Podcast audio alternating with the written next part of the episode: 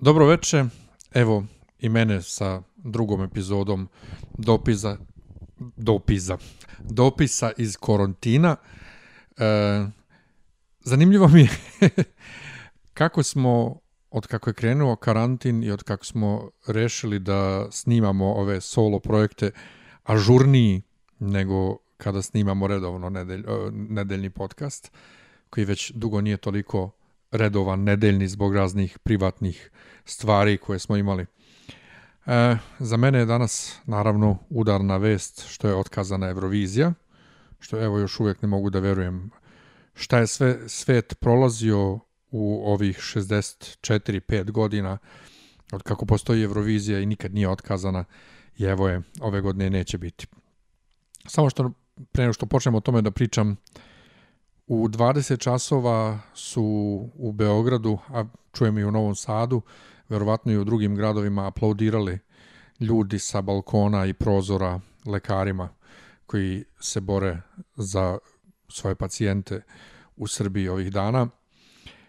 E, video sam nešto malo na, na internetu, ljudi su naravno snimali klipove, vrlo dirljivo.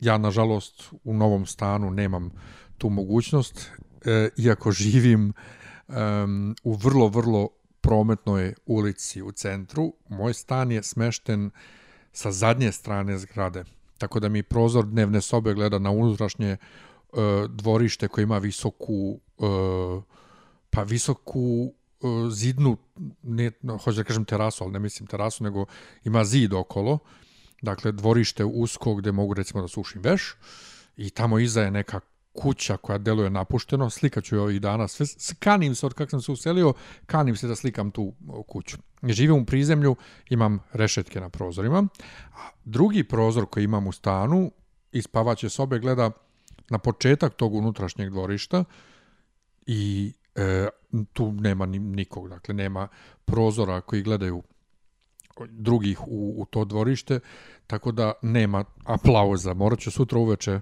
pošto će se verovatno ponoviti, da izađem, jes da počinje policijski čas u 20 časova, ali na vratima zgrade me neće valjda niko uhapsiti, čisto da vidim da li e, sa te strane ulice e, neko aplaudira. Sve o svemu, lep gest, naravno našli su se oni koji su to našli da kritikuju, e, ali ja mislim da ne treba ulaziti u motive zašto neko to radi i da li ti ljudi inače pljuju lekare ili ne i naše zdravstvo, nego jednostavno prihvatiti ideju da su teška vremena i da ljudima treba kad već ne smeju i ne trebaju da se približavaju jedni drugima, da im treba bar neki oblik zajedništva, a videli smo kod Italijana kako pevaju sa terasa, što neko reče samo da kod nas neko ne zapeva da krenemo sa XU rokom, pa da se izbodemo.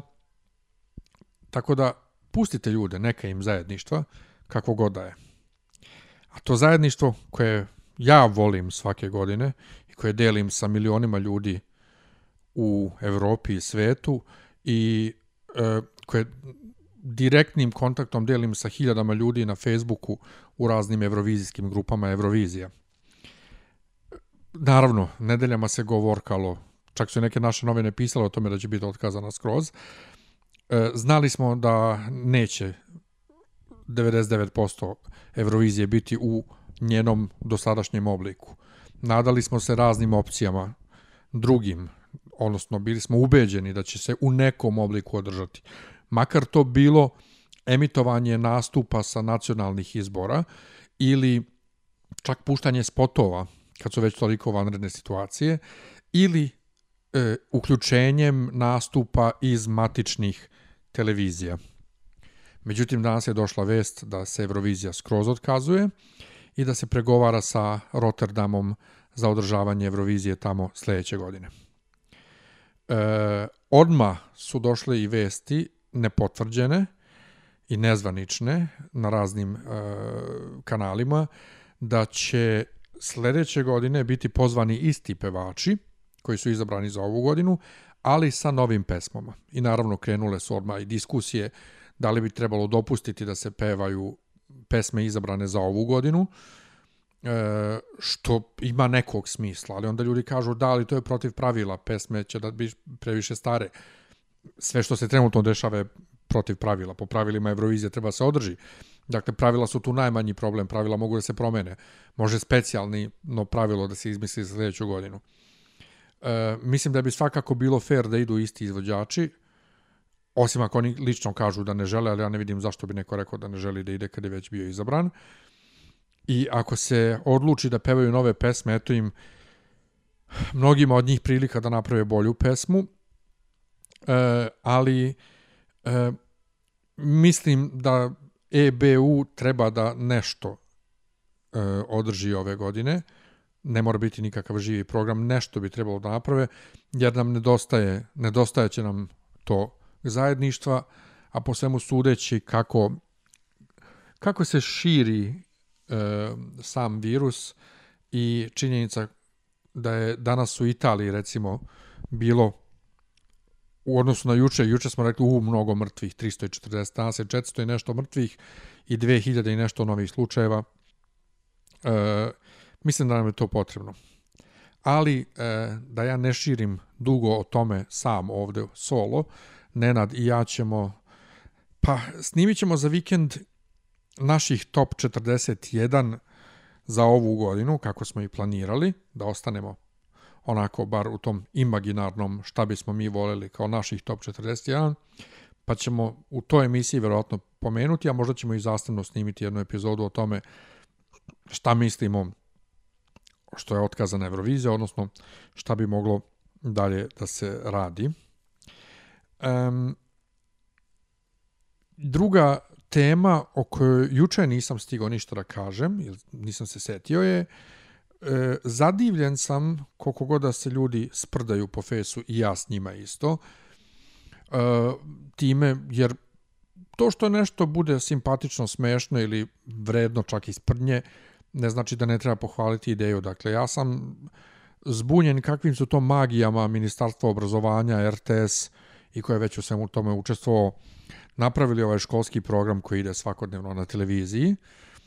E, jeste, ima tu grešaka, ima gluposti, ali da se ne lažemo, svi smo mi išli u školu i znamo koliko i u samoj školi ima grešaka i gluposti. Tako da svaka čast tim ljudima koji to organizuju i kako su uopšte toga setili, nisam siguran kako je to rešeno u drugim zemljama. Video sam i drugari iz gimnazije mi kažu da je na radio televiziji Republike Srpske to malo bolje organizovano nego na RTS-u, ali svaka im čast. Jedino mi je smešno, ja želim da vidim časove za srednjoškolce i svugde piše da je to na RTS planeti. Ubio sam se tražeći da li postoji kanal RTS planeta ili samo ona aplikacija, odnosno portal. I evo, još uvek nisam saznao. Ja na e, mom EON-u imam samo ove osnovne RTS-ove, a na MTS-u imam sve žive ovaj, RTS kanale, ali na njima nema ovog e, nema RTS planete kao kanala. Tako da će biti da srednjoškolci moraju da se uloguju i da e, tamo gledaju. Još nešto što sam juče hteo da kažem, ali sam zaboravio je opet kad smo kod obrazovanja, Koliko mi se ovih dana, mislim, ja, ja već dugo znam da, da, da to, koliko je neko obrazovan, da to nema veze s tim koliko je zapravo inteligentan, posebno socijalno inteligentan i društveno inteligentan, što je jedno te isto, ali nema veze, ponovio sam dva put. Um, mnogo ljudi šire ovih dana uh, raznorazne uh, senzacionalističke i pa lažne stvari. Tako je kružio onaj jedan voice clip neke žene koja priča o tome kako je Uniklinika u Beču uh, u istraživanju došla do toga da brufen nije zdrav u lečenju uh, COVID-19 bolesti. I onda se Uniklinika Beč od toga ogradila, jer su to ljudi toliko šerovali da je to došlo do njih. Oni su ogradili od toga, ne postoji nikakvo ovaj istraživanje, nije postojalo, niti oni imaju veze s tim. Uh, Ali ono što meni zapalo za uho tu jeste da se tvrdi kako oni to ne smeju da objave, jer su potrebne dugogodišnje studije, ne smeju oni to zbog uh, ove uh, farma industrije, što je smešno. Uh, bečki časopisi, bečke novine su srušile vladu sad možda lupa, možda i su srušili vladu, ali su ministri neki ostali bez posla, ali mislim da jesu beše srušili vladu, ispravite me ako grešim, onim e, snimcima e, razgovora ljudi iz vlade sa ruskim tajkunima i tako. Dakle, velika afera je bila. I oni da ne smiju da objave mišljenje univerzitetske klinike o svojstvima, poznatim svojstvima poznatog leka, jednostavno je smiješno. I ono gde obrazovanje sada, o čemu govorim, ima veze s tim, jeste što sam tu poruku dobio na dve Viber grupe. Jedna osoba koja je poslala, ženska, je bila učenik generacije, bila je odličan student, završila je prirodne nauke, a onda se udala i rešila da bude domaćica, seoska domaćica i preokrenula se od toga da je od svog mačka, persijskog mačka, iz stana u gradu napravila običnu seosku mačku na selu i postala je sva babasta. Ta ista osoba i dalje ima svo to obrazovanje i inteligenciju koju imala i ranije, ali jednostavno postala je tako, eto, domaćica koja širi teorije zavere. Druga osoba koja mi je to podelila je 96. godište, u suštini klinka, koja mnogo veruje u razne teorije zavere, nema neko posebno formalno obrazovanje, ali se mnogo loži eto na, na te teorije zavere. Tako da mi je to samo još jednom pokazalo, posebno u kontekstu jedne drugarice koja isto nije, nije, nije važila za neku super inteligenciju u školi, e, a koja sada živi u inostranstvu, koliko je ona recimo sada pod navodnicima normalna osoba u odnosu na ovu što je postala sva tako babasta. Babasta u fazonu Jelene Tomaševića, to ako vam to išta znači. Ovaj, tako da je vrlo fascinantno kako na kraju krajeva formalno obrazovanje ne čini nikakvu inteligenciju čoveka. A nešto drugo što sam primetio ovih dana jeste, videli ste možda na fesu, pominjao sam ih i sinoć, slike sablasnog grada. Ja ne mogu bez muzike. I vrlo redko imam periode kada izlazim iz stana, a ne slušam muziku. Odnosno periode kada ne, ne, mi se ne sluša muzika van kuće, to što mi svira stalno na televizoru, odnosno YouTube i raznim radiostanicama online je jedno, ali imam to kad idem napolje, moram da slušam muziku. Ovih dana ne mogu. Sam grad mi je suviše tih da bih ja hodao okolo sa slušalicama u ušima i slušao muziku. I pritiska me to dosta i čudno mi je kako ja odjednom ne mogu da slušam muziku, ali me cijela ova situacija toliko uh, pritiska da da, da jednostavno ne mogu da pokušavam veštački da dižem sebi uh, raspoloženje muzikom što mi je neverovatno. I nadam se iskreno da ću vrlo brzo moći to da prevaziđem, jer i dalje ne mogu da prevaziđem ideju da imamo policijski čas i da se policijski časovi uvode po raznim zemljama Evrope daleko razvijenijim od nas. Naravno, znate da moja zemlja snova i moj ideal zemlje Nemačka. Angela Merkel je večeras prvi put imala uh, televizijski govor, uh, televizijsko obraćanje naciji. I koliko ona žena to staloženo i mirno opet na svoj način toplo, ja znam da mnogi od vas ne mogu da vide tu toplinu, ali ja um, sam živeo u Nemačkoj i srodio sam se s tim ljudima razumem njihovu vrstu topline.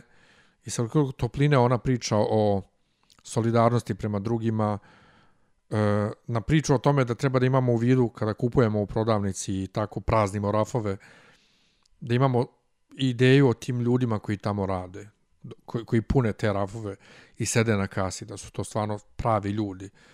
To me nekako dirnulo i kad se uporedi sa patetikom koju mi dobijamo svaki put u ovakvim situacijama od naših vlasti, um, istovremeno mi malo mi greje srce, ali ponovo plaši me, jer vidiš da tamo gde je zdravstveni sistem mnogo bolji, tamo gde ima se mnogo više para, tamo gde je životni standard daleko bolji, potpuno je ista kriza kao kod nas.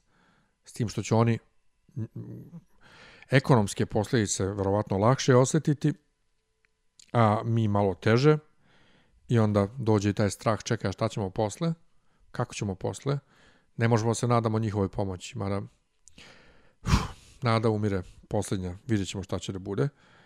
E, meni se to i na posao odražava kako Nemačka lagano zatvara, zatvara se i jeste, ima sve manje posla, što je lepo, ali mnoga mesta na kojima stoje bankomati koje ja lično nadgledam se zatvaraju i to mi od posla gdje sam pazio da se aparati ne kvare i da moram na vreme da pošaljem tehničara da popravi, svelo se na to da moramo aparate na tom i tom mestu što pre da ispraznimo jer zatvaraju tu vrstu objekata u kojima stoje naši bankomati. A kad smo kod Nemačke, ne mogu a da ne budem povremeno eto i srećan zbog onoga što radi crkva. E, ne mogu da se setim sad da li je episkop Andreje u Švajcarskoj Austriji obustavio službe, ali imao je neke preporuke e, za o, okupljanje ljudi u kojem broju mogu u hramovima da se okupljaju, ali vladika Grigorije, kojeg ja, kao što je većini vas poznato, ne volim baš, iz potpuno mojih ličnih i racionalnih razloga, koji nemaju nikakve veze s tim kakav je on kao episkop, on je odlučio da se povinuje odlukama nemačkih vlasti i da potpuno obustavi službe u svim e, hramovima u Nemačkoj i to u sred vaskršnjeg posta. Također odlučio da se obustavi e, vaskršnje svećenje vodice, koje, samo da vam kažem, nama koji smo iz određenih eparhija u Bosni i Hercegovini nije poznato kao pojava. A kako nas postoji svećenje vodice jednom oko, da li oko Nikoldana ili, ili za slavu, samu slavu našu, znam ima jednom u godini. Ovde u Srbiji i u nekim eparhijama to ima češće.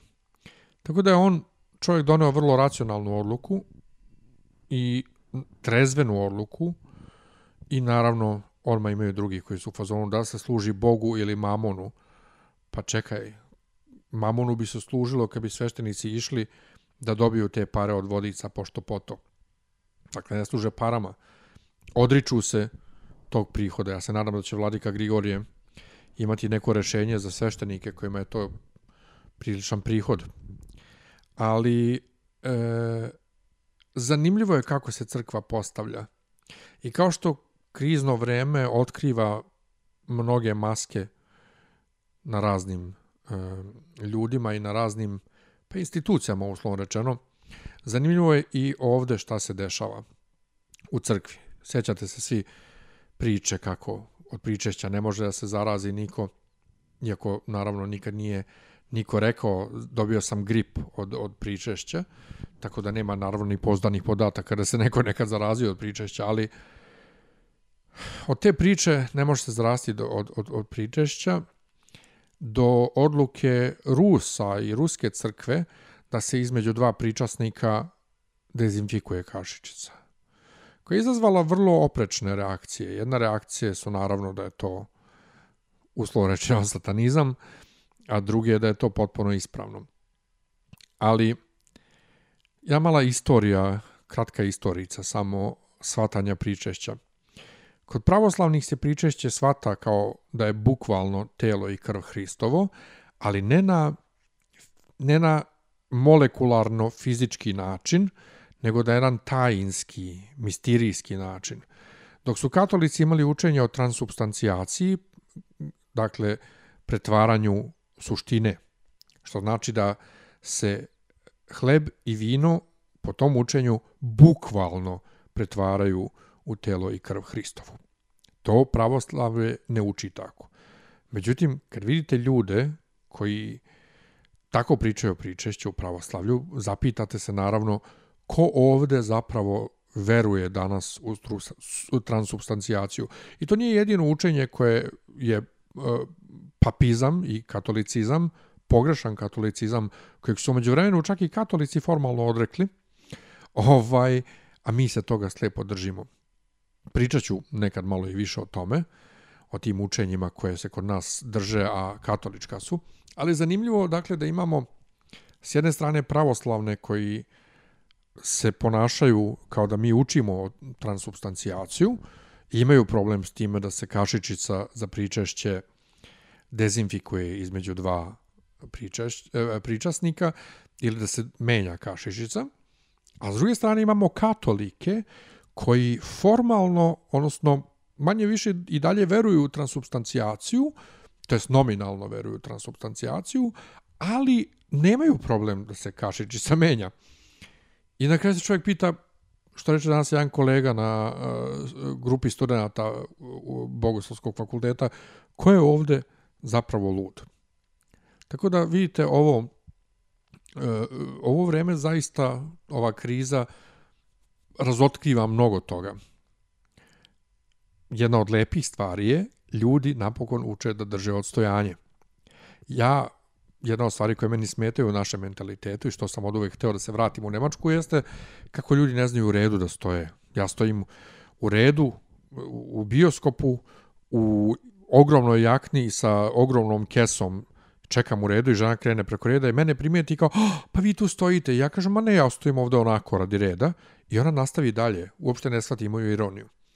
Dakle, ljudi vam dišu za vrat na šalterima, u pošti, u, na železničkoj stanici, na autobuskoj stanici, svugde u svakom redu dišu vam za vrat. I pored onih obeleženih e, žutih linija, recimo u bankama i apotekama, stati ovde, oni dišu za vrat. Čak stari, stari ljudi, gospođe sa šeširima na glavi, koje glume neku otmenost. Sad u supermarketima svi drže veliko rastojanje, preveliko u suštini u odnosu na ono kako bi trebalo da se drži, ali drže odstojanje. I kao što jučer rekao, pitam se kakva ću ja biti osoba posle ove krize, da li ću dalje ovako manijakalno da perem ruke. Nadam se da će ljudi držati odstojanje i dalje, jer ne treba zaboraviti da ovaj to što nije korona ne znači da ne može nešto se dobije duše ne tako lako kao korona, ali eto, ostaje negde prostor da mogu da se nadam da će ljudi i dalje držati bar neki minimum normalnog odstojanja gde god da se stoji u redu. Jer jednostavno e, to je odraz kulture neguranja nosa u tuđi posao, iako naravno kod nas nikog e, u suštini i ne gleda šta osoba ispred radi i koje lekove uzima. Ja imam pravo da želim da osoba iza mene ne čuje koje ja lekove uzimam u apoteci. E, ali taj, taj strah da će šalter da pobegne ako ne dišem osobi ispred sebe za vrat je nešto vrlo fascinantno. I zadnja tema u suštini za večeras. Plaćao sam danas neke račune uh, u online bankarstvu, što radim već dugo naravno. Samo u prethodnom stanu nisam mogao u toj meri da radim jer je gazda zahtevao da mu donosim papirne isečke. Dakle, morao sam na šalter da idem. I ovaj, pričao sam sinoć sam išao da uplatim pare na račun. I danas sam plaćao, dakle, račune preko online bankarstva i prvo mi iskače pop-up prozor koji kaže eto, za vreme krize ne morate dolaziti u ovu e, ekspozituru, možete da aktivirate mobilno bankarstvo telefonom i karticom, iskinite samo aplikaciju i plaćate račune online nigde naravno ne piše da će provizija za plaćanje online biti ukinuta. Moja banka recimo naplaćuje 15 dinara i nešto za svaku transakciju koju vršite u online bankarstvu van banke. Dakle, pošto recimo Telekom za mobilne i SBB ranije isto imao račun u mojoj banci, pa nisam plaćao nikad proviziju, a čim plaćam nešto gde je račun van moje banke, ovaj, uzmu mi 15 dinara.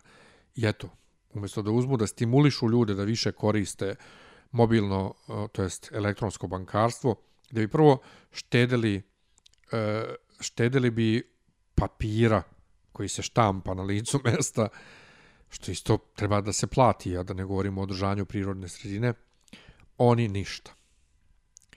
Tako da je sranje.